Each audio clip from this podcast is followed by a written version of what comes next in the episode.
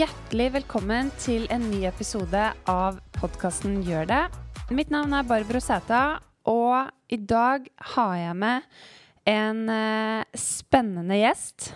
Han driver sjøl en av de beste podkastene jeg veit om. Og jeg syns den personen her er ekstremt god til å spille folk gode, til å få ut det beste i folk i eh, podkasten sin. Eh, gjesten gjør veldig mye annet, og jeg gleder meg til å høre eh, hva han har lært av alle de intervjuene av folk som lykkes med ting. Og hvilke faktorer som kanskje er felles for de som gjør mest av det riktige og viktige. Og så gleder jeg meg til å høre reisen til eh, Knut. Hjertelig velkommen til podkasten min, Knut Skeie Solberg. Tusen hjertelig takk. En glede å være her. Og det er en eh, ære å ha deg her. Så hyggelig. Ja. Jeg eh, vil eh, bli litt bedre kjent med deg eh, sånn innledningsvis. Men temaet vi skal snakke om i dag, da, det er jo veldig spennende. Fordi at du har snakka med veldig mange eh, toppidrettsutøvere, næringslivsfolk, altså veldig mange spennende mennesker. Og, og mm, jeg er veldig nysgjerrig på å høre hva, hva du har tatt med deg av liksom det å gjøre det riktig og viktig over tid. da. Um, og hva vi andre kanskje kan lære, og hvordan vi kan filtrere ut um, ulike informasjoner og råd. Ja, altså jeg har jo hatt en podkast som heter Våre vinnere som siden juni 2021, så nå blir det jo eh, litt over to år. Og nå begynner det å nærme seg gjest nummer 100. Um, og som du sier, med ulike mennesker som har, har, fått til ting ut fra sitt utgangspunkt, enten det er i idretten eller i, i næringslivet, eller som kokk. Mm. og, og det er klart, de refleksjonene de kommer med til meg hver eneste uke, det gjør jo noe med meg. Så um, jeg gleder meg til hver fredag for å få noen nye innfallsvinkler på, på, på liv og på, på, prestasjon og på mekanismene bak det å lykkes. Så det um, har vært en kul reise. Mm. Gleder meg til å høre mer om det. Men hva syns du om å sitte på den andre sida i dag og skulle bli eh, intervjua litt? Ja, det er jo spennende, da. Ja. Um, jeg har foreløpig ikke vært gjest i denne type podkast. Det har vært noen sånne små jobbpodkaster. Men er, eh, jeg merker jo at eh, jeg kjenner en litt sånn annen bobling i magen når jeg gikk inn her og satte meg ned, enn jeg gjør når jeg setter meg ned med en gjest der jeg på en måte har kontroll og, og, og styrer showet. Så, men det, det, det, var veldig lett å si ja til, for jeg tenker det er jo sånne type ting en vokser på. Mm. Uh, det å si nei til ting en ikke har gjort så mye av. Så um, rett og slett supert å få, å få, lov til å teste ut. Ja.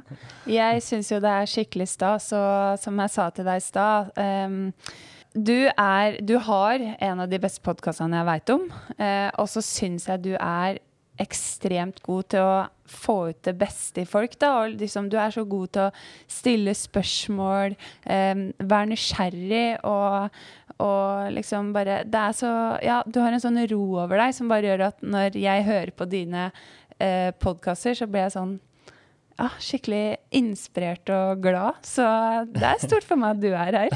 ja. ja. det var hyggelig å høre. Ja. Og det er jo litt den, eh, den, roen som du beskriver der, jeg virkelig streber etter å, å, å, skape, da. Eh, mm. både for de som er i, i studio, og for lytterne. Så det, det er veldig hyggelig å høre at du har den opplevelsen. Ja, så bra. Eh, men kan ikke du bare fortelle kort litt om hvem du er, og din reise? Sånn kort oppsummert. Ja, det skal jeg prøve på. Ja. Um, jeg er jo da um, rogalending, nærmere bestemt um, egersunder. Um, vokste opp i um, en liten by uh, på Sør-Vestlandet uh, som heter Egersund. Um, to foreldre som møttes på idrettshøyskolen på 70-tallet. Eh, og det har forma mitt liv i veldig stor grad. Eh, to eh, idrettslige, sportslige akademikere eh, som eh, på en måte har gjort at mitt liv har dreia seg mye om idrett eh, og formidling. Kombinasjonen av de to tingene der. Så um, jeg starta som en aktiv gutt med, der jeg drev med mye idrett, og samtidig hadde en drøm om å bli sportsjournalist. ja, i, så, så, den kombinasjonen har egentlig alltid fulgt meg. Ja. Um, og skrev en skolestil i fjerde klasse på Husabø barneskole, der jeg skrev at drømmen min var å bli sportsjournalist. Um, så, uh, så, de to tingene egentlig fulgte meg hele veien, der jeg satsa ganske hardt på idrett. Mm. Fotball og friidrett primært, og mm. samtidig banka på døra i lokalavisa med min første artikkel om to svømmere da jeg var 14. 14 år, ja. jeg dro, dro, ned til um, eh, svømmehallen like ved der jeg bor, lånte kamera til far. Eh, Intervjua to svømmere om det å ha et mål om å svømme under 25 blank på 50 meter. Bankte på døra med en filmrull og en uh, artikkel i en konvolutt. Uh, artikkelen ble tatt imot og kom på trykk. Og siden den dagen så jobbet jeg uh, mer eller mindre for lokalaviser i Egersund. Ja. Mens jeg gikk på ungdomsskolen, mens jeg gikk på videregående. Uh, mens jeg var aktiv i lokalpolitikken. Hadde mange hatter, men det, det er òg litt meg, da. Og mens jeg, var, mens jeg satsa på idrett. Så, um, så det det beskriver nok kanskje meg litt, akkurat det. Å bare gå og banke på med den artikkelen. Mm. Og bare, eh, bare gjøre det, og så få den muligheten. Og så, så, ender jo det med at jeg jobber i lokalavisen til jeg begynner på journalistikk på Universitetet i Stavanger. Ja, ja. Så da tar du journalistutdanning? Ja. Mm. Mm. Tok journalistikk, sosiologi og idrett på universitetet. Uh, ja. Og endte opp med å, å jobbe i uh, TV Vest og Stavanger Aftenblad. Ja. Eh, ja. Før jeg da eh, gikk til TV 2 i 2011 og flytta til Oslo.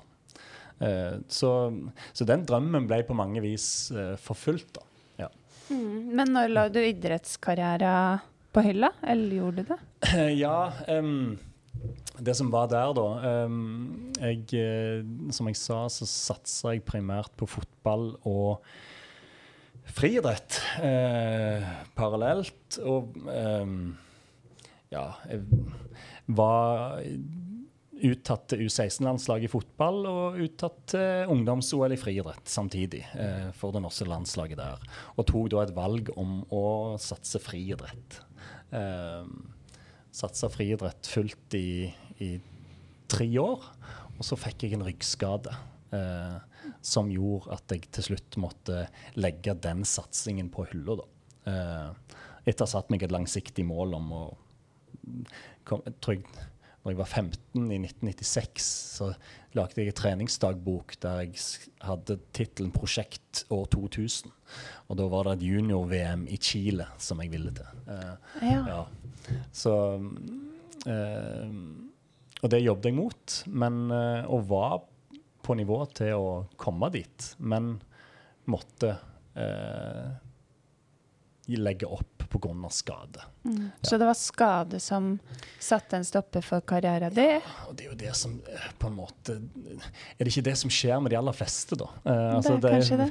Eh, enten skade eller at uh, det kommer noe annet som er mer interessant, eller Altså, de aller færreste blir jo best. Mm. Sant? Eh, de aller færreste blir toppidrettsutøvere. Veldig mange har en drøm. Mm. Um, og så er det, uh, om det er en skade eller noen valg Det kan jo være at det, hvis jeg f.eks. hadde valgt fotball eh, på, når jeg valgte friidrett da jeg var 16, mm. så kan det være at jeg hadde fått en fotballkarriere. Hvem vet? Mm. Eh, det er sånne ting som er umulig å vite. da. Ja. Eh, men da Og det ble jo et slag på et vis når jeg måtte legge opp den, men sånn er det jo for alle. Eh, så, men da eh, fortsatte jeg å spille litt fotball etter eh, jeg la opp friidrettskarrieren.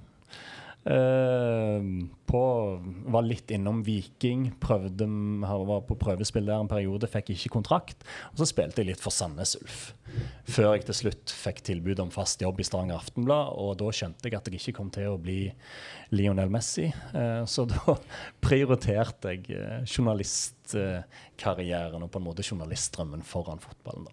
Ja. ja. Så spennende. Men mm. og nå de siste, etter du flytta til Oslo i 2011, mm. hva har karriere Eller etter du har Ja, hva har karrieren din bestått av nå de siste årene? Nei, altså jeg var jo tre år i, i TV 2-sporten. Mm. Eh, opplevde masse fint der. eh, masse god læring. Og så var jeg i NRK-sporten. Og så gikk jeg over på andre siden av gjerdet etter Karsten Warholm vant gull, sitt første gull i London eh, i 2017. Da fikk jeg spørsmål om å bli kommunikasjonssjef i norsk friidrett. Oh, ja. ja. Eh, og da Og det hadde jeg på en måte hatt i bakhodet, at jeg hadde lyst å bruke formidlingsegenskapene og journalistegenskapene på andre sida av gjerdet med kommunikasjon, og kanskje jobbe mer inn mot næringsliv. Og da var det en mulighet, eh, med den friidrettsbakgrunnen jeg har, og samtidig som det kom opp så mye spennende mennesker samtidig i norsk friidrett, at eh, kult, det gjør jeg. Og så uh, hoppet jeg på det og ble kommunikasjonssjef i norsk friidrett. Og hadde tre fantastiske år der. Ja. Um, og så um, ender jo det i et nytt steg. Uh, der jeg velger å starte for meg sjøl. Og starte min egen hverdag og bygge min egen hverdag. Eh, ja. ja.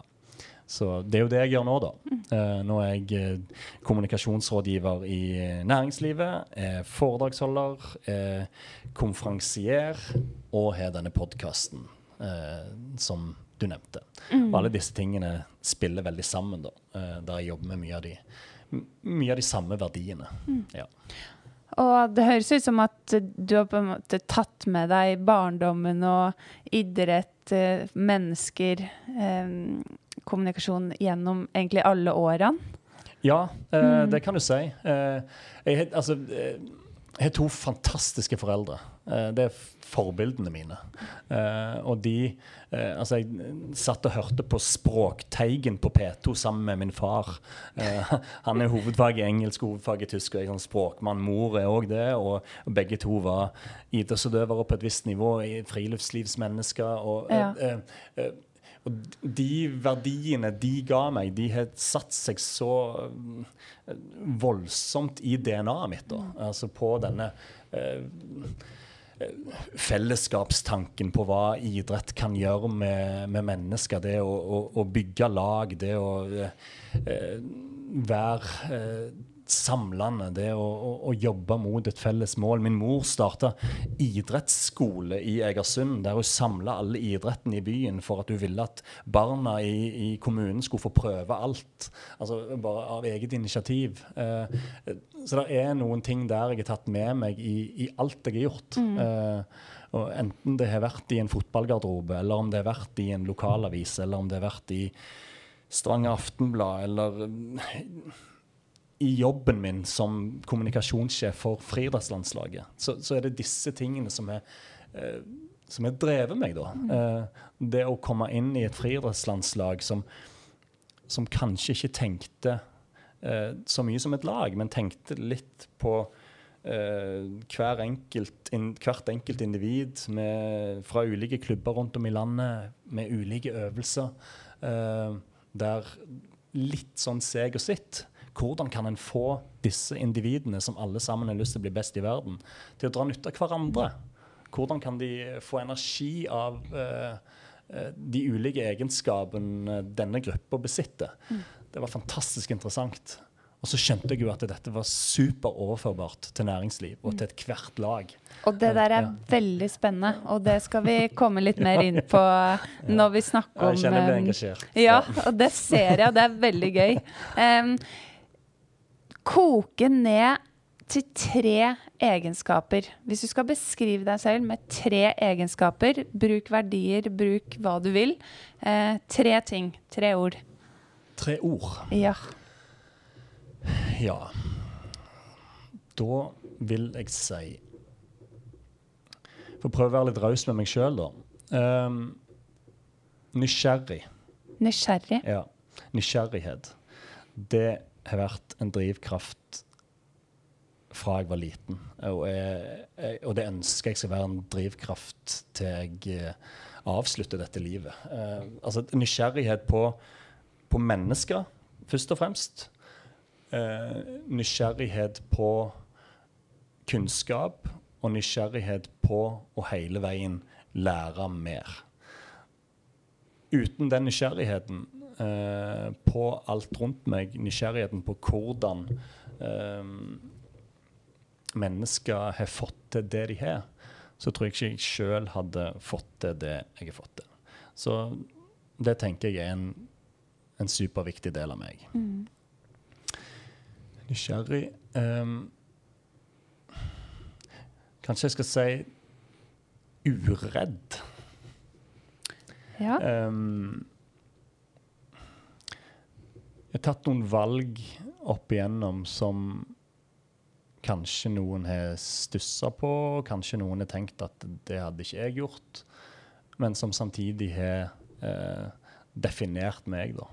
Eh, så Altså alt ifra det å banke på den døra med lokalavisartikkel når jeg er 14, eh, til å um, ha fast jobb i Stavanger Aftenblad, som er en kjempetrygg og god bedrift.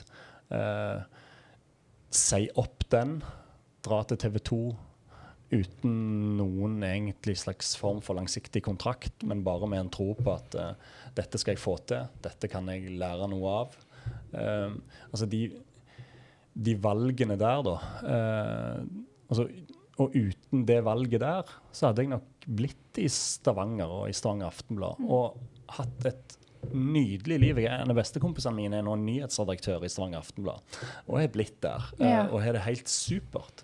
Men det jeg har fått oppleve gjennom å ta det litt sånn Hæ? Sier du opp fast stilling for å ta sjansen i Oslo? Så ja, det gjør jeg. Uh, uten at det er noe sånn gigantisk. Men det gjorde i hvert fall noe med meg, da. Uh, som gjorde at jeg fikk møtt masse mennesker og fikk opplevd mye som gjør at jeg har de egenskapene og de mulighetene jeg har nå, da. Eh, ja. Ja, og det, du sa jo det innledningsvis, at eh, når du sto og banka på den døra som 14-åring, at eh, det har vært med å forme deg som person og de valgene du har tatt etterpå. Ja. Så um, uredd, det, det høres sånn ut. ja, Ja. ja, og, det, og det, eh, det stemmer vel òg litt med det valget om å starte for seg sjøl eh, midt i korona. Eh, der jeg også faktisk lå sengeliggende med en hjernerystelse som var så altoverskyggende at jeg ikke var i stand til å eh, ta vare på mine egne barn. Eh, slo hodet i en bjelke på skitur og var helt satt ut i lang tid. Søren. Um, så um, Som også blir en sånn eh, perspektivsetter, da, en sånn tankevekker. For dette, da er du plutselig i en posisjon der du ikke er i stand til å, å gjøre det du liker best. Være med de menneskene som gir deg mest. Eh, og, og da blir en usikker. Og jeg, jeg var på et sted der jeg ikke eh, var i stand til å prate. Oi. Som er på en måte mitt verktøy. Ja. Ja, så vi måtte ha øvelser hjemme med jentene mine på da to og fire-fem, eh, der jeg ønsket velkommen til middag. Ønsket velkommen til fiskeboller og poteter. Og det var en kjempeprøvelse. Eh, der jeg eh, var vant til å kunne stå foran 1000 mennesker uten at det var noe stress i det hele tatt. Så det, det var rart. Men da igjen, da, så kommer kanskje den ureddheten inn, da. Der jeg fortsatt velger. Nå har jeg hatt tanke om å starte for meg sjøl. Jeg har fått noen kontakter, og jeg har noen tanker om hvor jeg vil. Dette gjør jeg.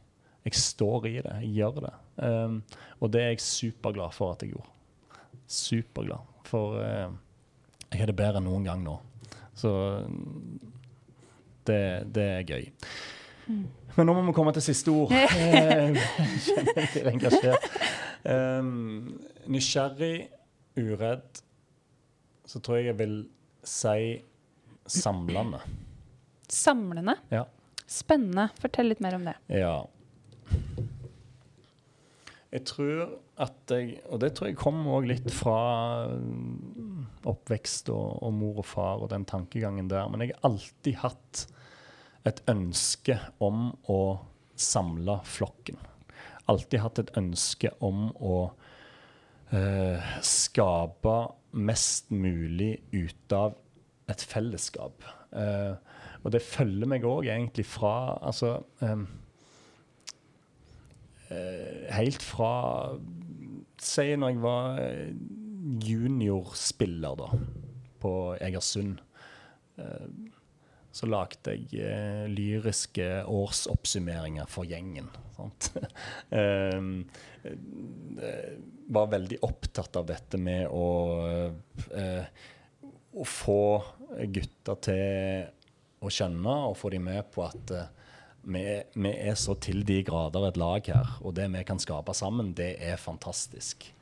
Eh, og når jeg avslutta på en måte den lille fotballkarrieren min eh, fra Sandnes Ulf, og ble, da ble jeg trener for et eh, lag i tredjedivisjon. Oh, ja. Ja, og, og var det i noen år. Eh, Brodd i Stavanger.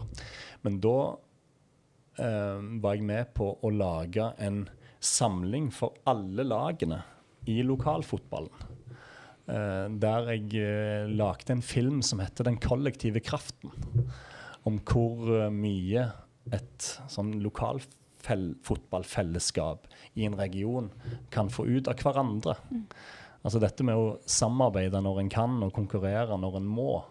Um, og da, når jeg gjør dette, så er jeg jo 24-25 år. Uh, så det òg har fulgt meg hele veien. Og det er jo disse verdiene jeg nå står og forfekter i næringslivet. Uh, det er disse verdiene jeg prøver å få fram når jeg er konferansier for en næringslivskonferanse. Uh, det er disse verdiene jeg brenner mest for å få fram i podkasten. Så det har egentlig fulgt meg hele veien, da. Ja. Altså dette, dette med å være Dette med å være samlende. Og, og kraften i formidling, hvordan det kan samle. Uh, det er hele veien kjenne på det og prøve å, å bruke det. Det har vært en del av meg. Ja, og jeg lar deg jo snakke litt ekstra lenge om det her nå, fordi at det, du forteller liksom Jeg håper lytteren hører det, da. At det, det du forteller om å være nysgjerrig, uredd, samlende Jeg hører i hvert fall så at det på en måte er, er så innprenta i livet ditt fra barnealder. Og at sjøl om du har gjort og gjør forskjellige ting, så er det den derre røde tråden. Og det handler om det derre verdisettet. Er det ikke det? Det derre um, Det som er det aller viktigste, og som betyr mest, da. Ja, um, og det Det tror jeg er, ligger til grunn for alt eh, jeg gjør. Og det tror jeg ligger til grunn Altså, du Du nevnte så hyggelig at um, At du mente jeg klarte å skape et eller annet slags klima i denne podkasten, der uh, uh, mennesker åpner seg og, og og det tror jeg Det handler om den nysgjerrigheten, da. Eh, og så handler det om å noen gang være uredd og stille de spørsmålene. Uh, og så handler det om den tanken om å være samlende, om å prøve å få maks ut av et, uh, ut av et fellesskap. Eh, så de, de tingene, tingene ligger med meg uansett. Og så har jeg jo skjønt etter hvert, da etter hvert som jeg snakker med alle disse lederne, alle disse idrettsutøverne, møter alle disse bedriftene som jeg jobber med, ehm, at dette er litt ledelse òg oppsummert.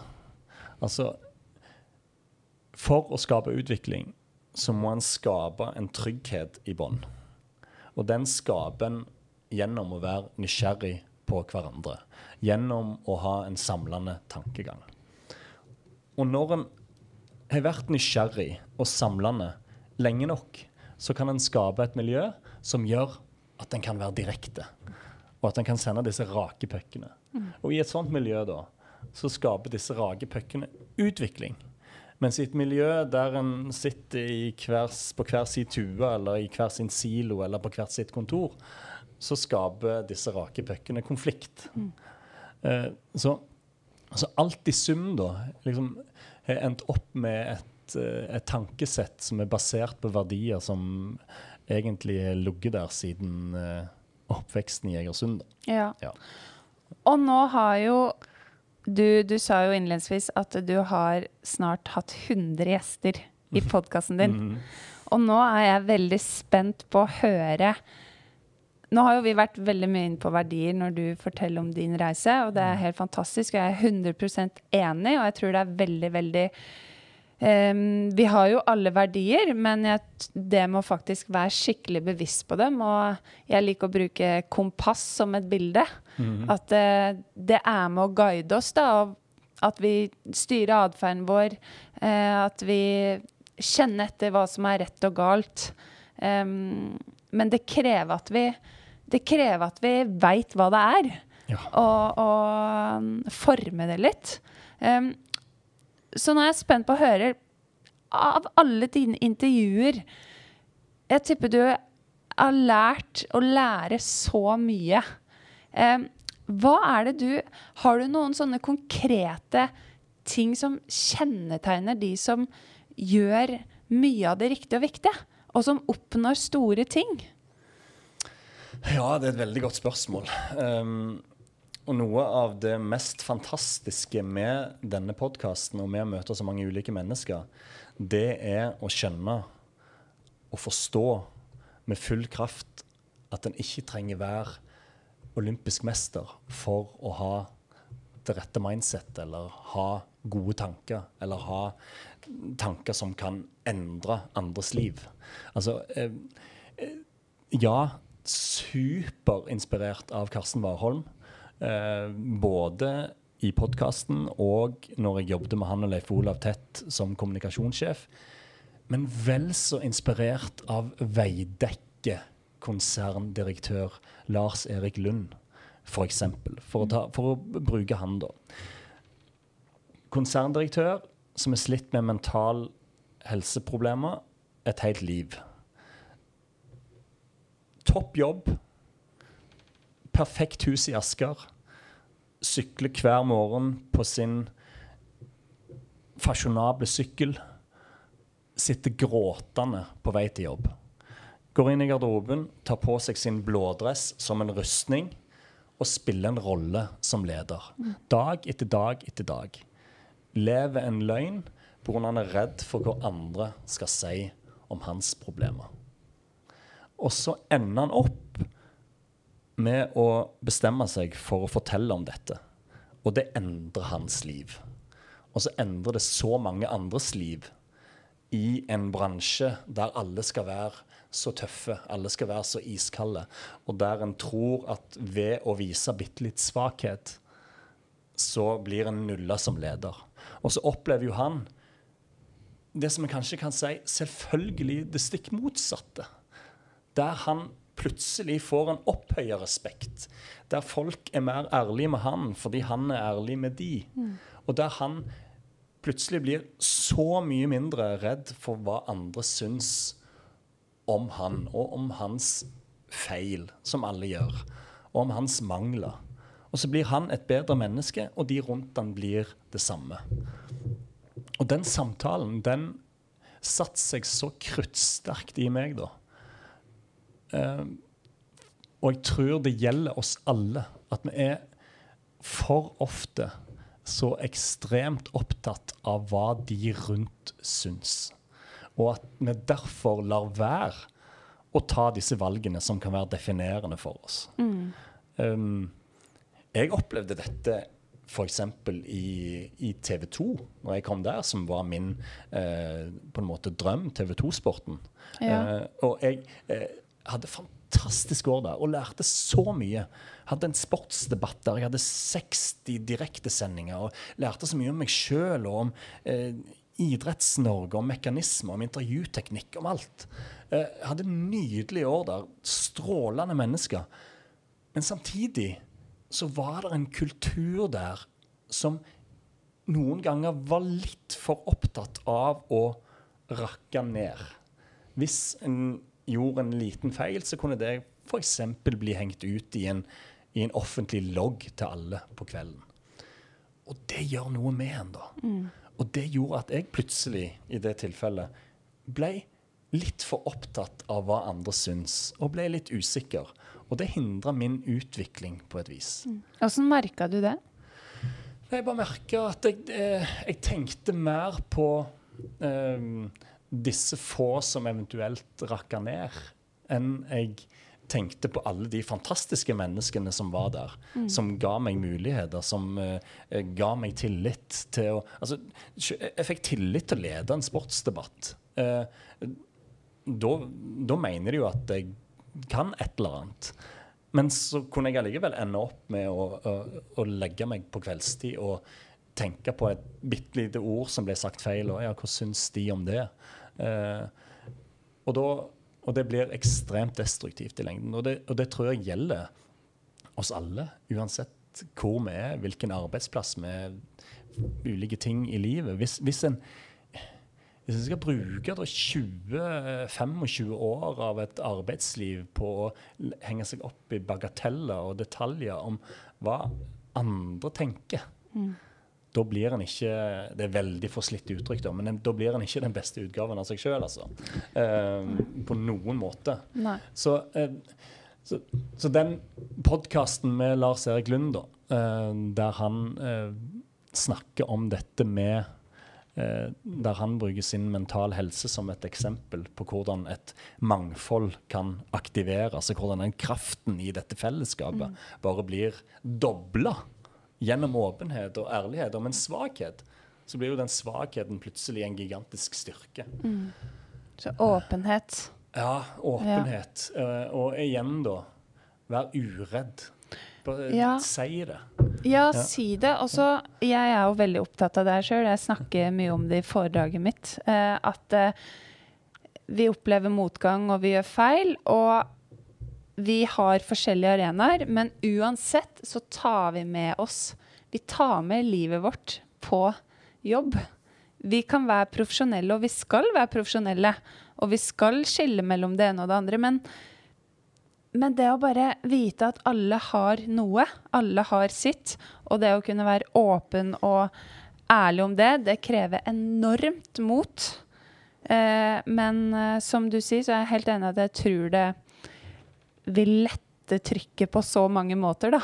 Ja, At det bidrar bare til bedre prestasjoner og bedre samhold? Ja, definitivt. Og, uh, og, og, i idretten, og kanskje spesielt i lagidrett, så er det jo skapt et bilde om at uh, alt skal være så fordømt tøft. Og alt skal være så uh, En står i garderoben og skriker og slenger flasker i veggen og er helt bananas med hverandre. Mm. Men der også, da. Sant? Der hadde jeg bl.a. Um, Anders Mæland uh, og Bjørn Mannsverk, som er to uh, mentaltrenere med ekspert på, eksperter på idrettspsykologi. Sant? Der uh, nå begge jobber i oljefondet. Uh, Anders Mæland var Nicolai Tangens første ansettelse. Uh, og hans oppgave var å skape trygghet i hodene til de som skal forvalte disse 13 000 milliardene i det norske oljefondet. Skape trygghet, skape trygge rammer, sånn at de kan ta risiko. Og det ble ikke skapt gjennom å stå og skrike det i ansiktet, altså. Ikke i det hele tatt. Nei. Og det var Anders Mæland som først ble kontakta av Bodø-Glimt. Oh, ja. eh, som eh, igjen da tok kontakt med Bjørn Mannsverk, som ble den mentale treneren som jobbet med Bodø-Glimt. Som har skapt resultater på mye mindre ressurser enn de største. Gjennom å skape trygghet. Mm gjennom å få disse i hermetegn tøffe gutter til å åpne seg. Til å fortelle om eh, sine mangler. Mm. Til å fortelle om sin blå dress. Eller, ja. Og så ender det opp med da en trygghet i den gruppa som gjør at de kan være tøffe med hverandre. At de kan utvikle seg. At de kan skape prestasjoner sammen. Og det er helt relatert til det som skjedde i Veidekke.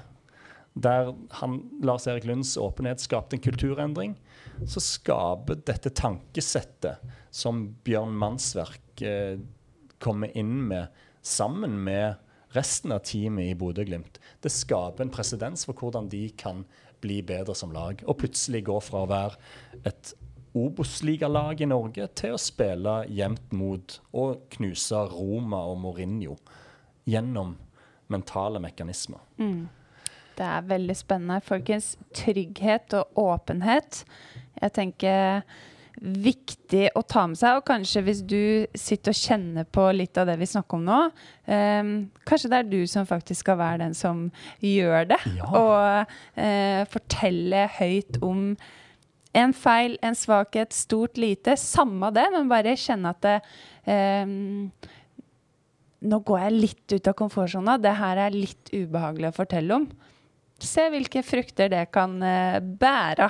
Ja. Ja. Og, og, og det der er så interessant nå jeg, eh, jeg sa jo at jeg holder litt foredrag, og disse foredragene jeg holder, eh, de er jo basert på eh, mange av erfaringene jeg gjorde når jeg jobbet annet tett med friidrettslandslaget.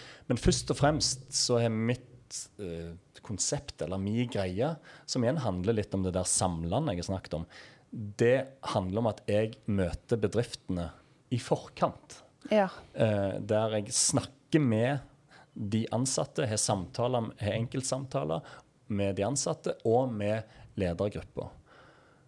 For å se hvor ligger mulighetene for dette laget, for denne bedriften, for dette teamet.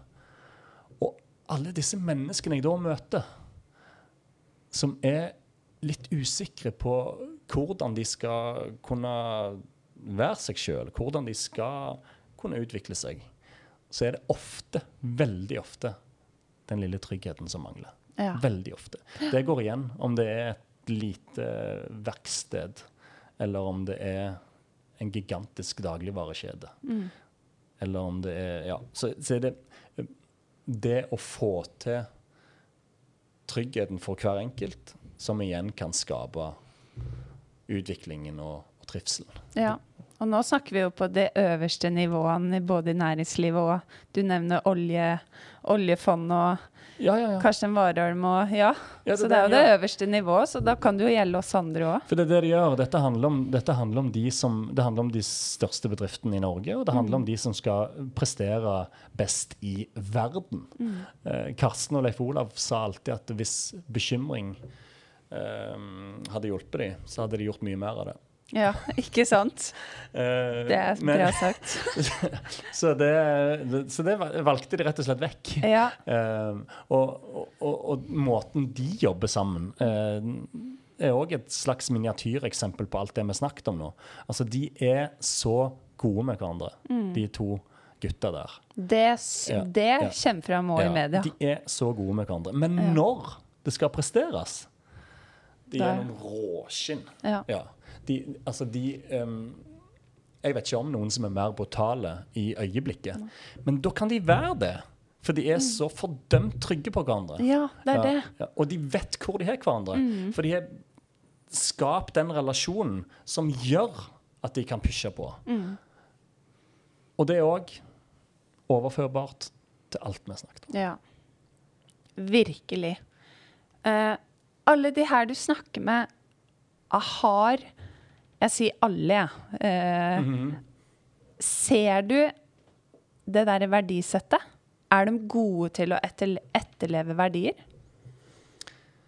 Ja, jeg, eh, du spurte om fellestrekk for de som lykkes. Eh, og det helt tydeligste fellestrekket, etter å ha snakket med snart 100 eh, mennesker, det er evnen til å se de rundt seg i tillegg til sin egen utvikling. Og det å skjønne at det å få med seg gjengen, det å få med seg flokken, det er det beste grepet for at en sjøl skal bli bedre. Og så er det en sånn sekspoengskamp, for da blir du både bedre sjøl, og så skaper du noe for de rundt deg. Men åssen kan vi gjøre det? Åssen gjør de det når de er ja, en idrettsutøver da, som er i sitt eget hue, men som òg skal ha med seg de andre rundt? Åssen gjør de det? Åssen kan vi gjøre det på arbeidsplasser?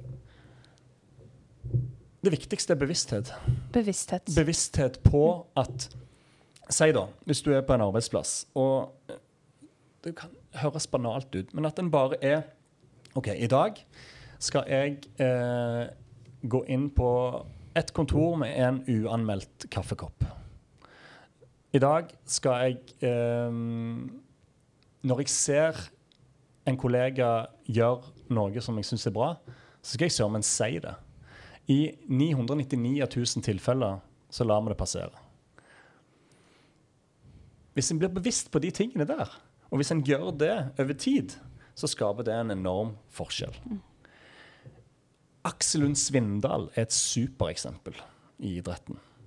Han er alpinist, individuell idrett, men han har alltid sagt at han er kun alene når det er han og fjellet i to og et halvt minutt. Ellers så er alpint en lagidrett.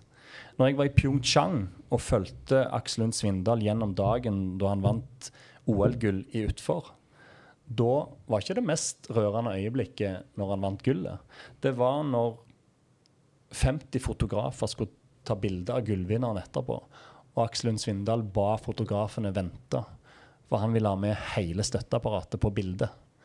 Og de sto og venta i en halvtime, der den ene etter den andre kommer inn fra han som smurte skiene, han som stakk løypa, til hun som masserte lårene. Altså til pappa, til sportssjef. Og det ble et vanvittig samlende øyeblikk. Det ble et øyeblikk ingen av de glemmer, og så lagbyggende som du kan få det. Og det er pga. han er bevisst på det. Dette er valg som han har tatt over lang tid. Mm. Og da er vi både å skape den samlende følelsen i et helt lag, av utøvere, men òg av et støtteapparat gjennom bevissthet. Ja, og vet du, der du sier der, det med bevissthet eh, Vi kan skylde på det ene og det andre, og vi kan vi jeg, jeg, sier vi, jeg, jeg setter litt på spissen. Ja, ja. Vi klager over at det, tida tar oss og det ene og det andre, og vi trives ikke, og det er sånn. Men den derre Hva kan jeg gjøre 0,1 i dag som bidrar til at jeg kanskje trives bedre på jobb. At, at uh, vi alle kan trives på jobb. Det du sier med å gi kaffen til en kollega, gi et kompliment. Altså de der små tingene. Og vi er nødt til å være bevisste.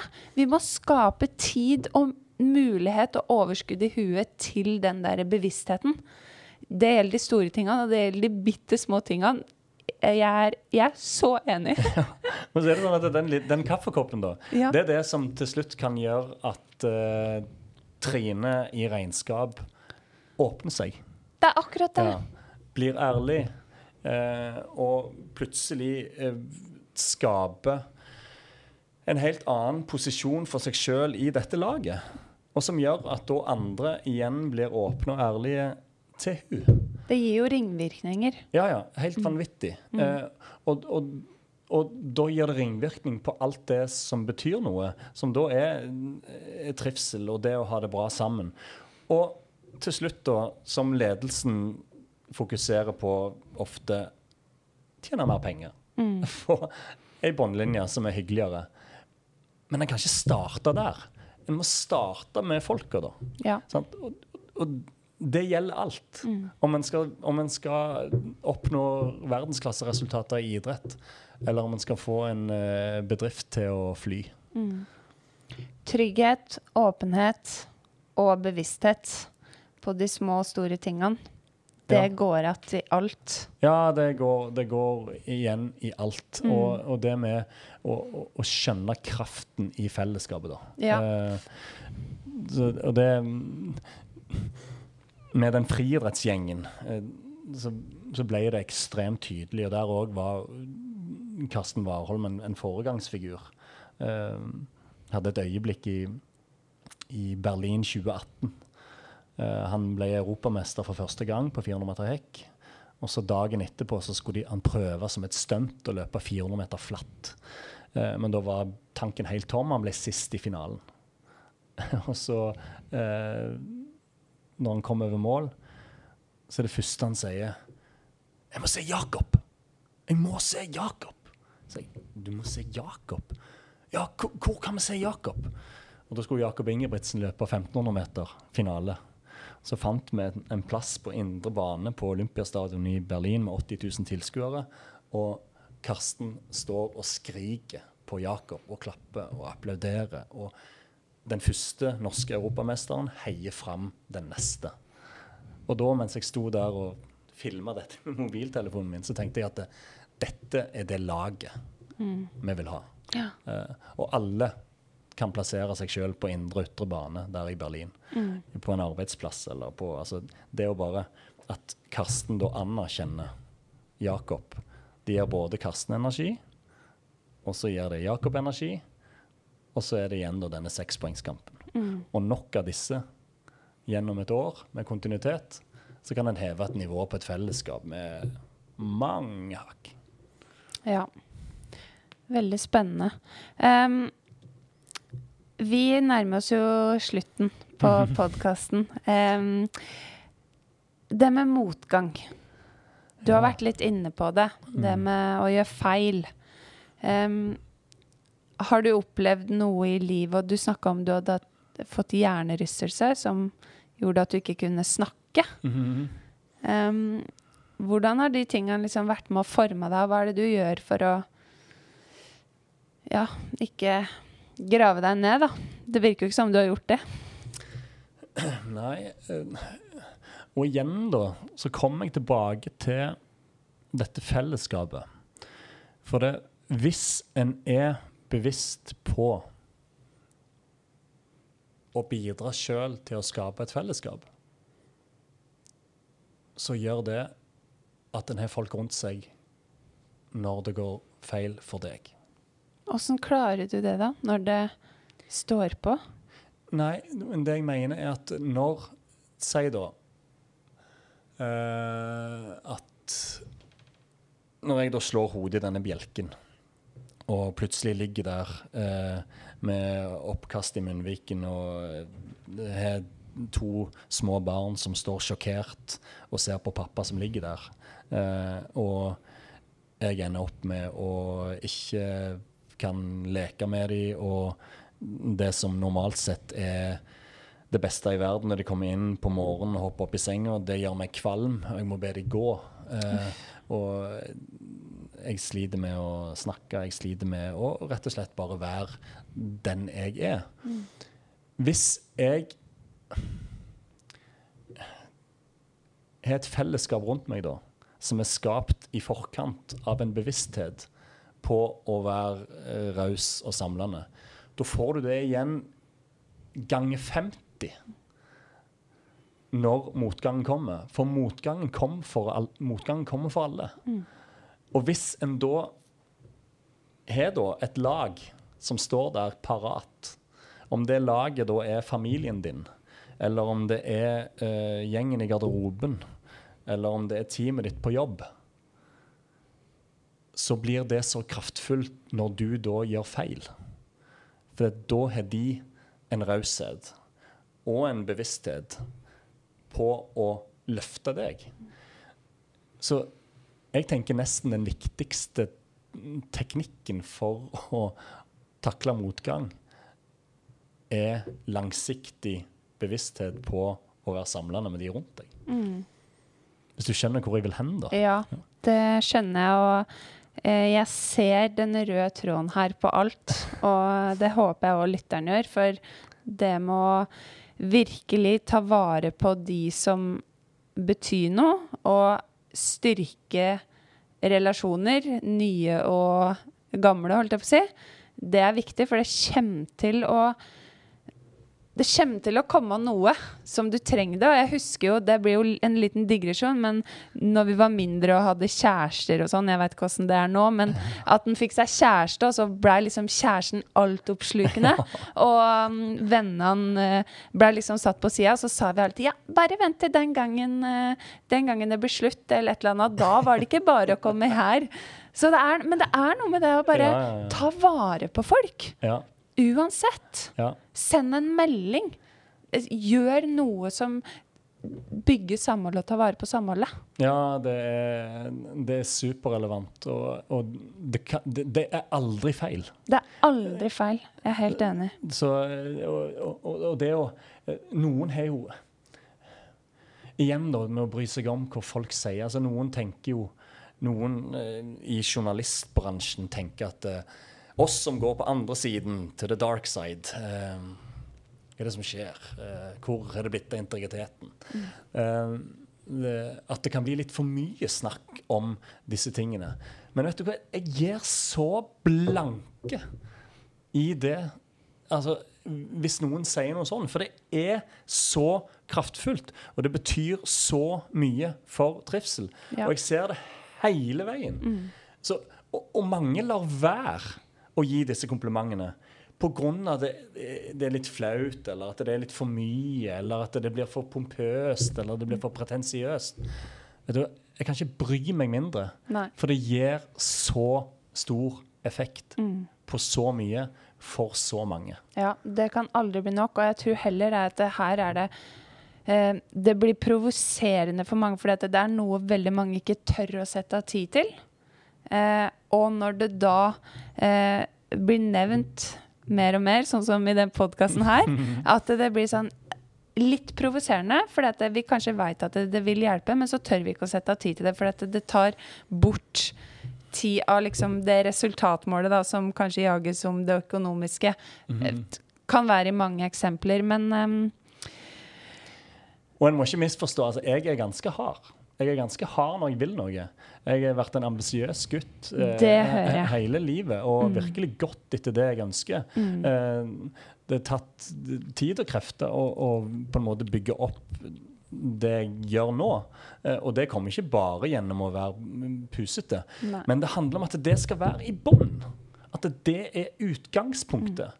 Og når det ligger i bånn, så er det så mye lettere å å få til ting og, og virkelig skape den friksjonen som, som gir den utviklingen. Da. Så, ja, kjenner, dette kunne vi snakket om i mange timer. Bare. ja, ja, det kunne vi faktisk. Men nå skal du få en siste oppgave. Oi. Og det er Jeg vil at du skal gi et konkret gjør det-råd til lytteren. Basert på det vi har snakka om nå. Hva skal lytteren ta med seg og gjøre etter det her? Den samtalen her. Altså, det beste rådet jeg kan gi, det er rett og slett å gi litt mer faen. Hvis du vil noe, hvis du brenner for noe, hvis du kjenner langt inn i sjela di at det stemmer med den du egentlig er og dine verdier, ikke nøl et sekund. Gjør det. For det, karrieren og de, den tiden du har til å virkelig være frampå, den er borte i et knips. Så hvis, er, hvis du virkelig kjenner på at eh, ting klaffer med, eh, med, med grunnfjellet i deg, gjør det. Ikke bry deg om hva noen eventuelt måtte si. Gi blanke og gjør det. Gi litt mer faen. Ja, det er det lov å si her. Ja, rett og slett. Ja. Uh, og, og, det, og, det gjelder, og det gjelder alt. Det gjelder alt i livet, altså. Mm. Ja. Uh, om en har en idé, uh, om en skal innovere, Mm. og du tenker at den ideen er god, gi faen og gjør det. Ja, og det Ja, nå avbrøt jeg deg, men det er det viktig for meg å si at på den andre skala nå Hvis du Hvis du har det bra med å ikke eh, kjenne at det er noe du virkelig brenner for å kjenne på, men at det, du vil ha det litt mer flatere, så skal du fortsatt gi faen. For at det, definitivt. samfunnet sier òg at vi skal ha noe vi, Du må finne noe passion, du må virkelig jobbe på der. Men det er helt greit òg å ikke eh, ikke kjenne på det. Så lenge, som du sier, du har det der i grunnfjellet, så kan du gi F i hva alle andre måtte mene. Superviktig. Mm. Eh, Og, og det er så mange som spør meg om jeg savner Savner du ikke tiden i, i media? Savner du ikke tiden eh, rundt på de store stadionene, på de store eventene, tiden på TV? Eh, men jeg har aldri hatt det bedre nå. For jeg har aldri vært i mer balanse med den jeg er. Jeg har aldri hatt eh, en hverdag der jeg oftere er i møte med det jeg virkelig står for. Og det har dobla livskvaliteten min. Og når jeg samtidig har mer anledning til å være med mine aller nærmeste, så blir eh, svaret ganske enkelt på at jeg er strålende fornøyd med det valget jeg tok. Eh, kanskje pga. at jeg var nysgjerrig, litt uredd og hadde et ønske om å samle. Mm. Helt fantastisk. Og med det så sier jeg tusen takk for praten. Det var um, Den kunne pågått mye lenger. ja, det kunne den. ja. Tusen takk. Tusen hjertelig takk for at jeg ble invitert. Ja. Neste episode kommer om uh, to uker. Torsdag om to uker. Da med en ny spennende gjest. Ha det!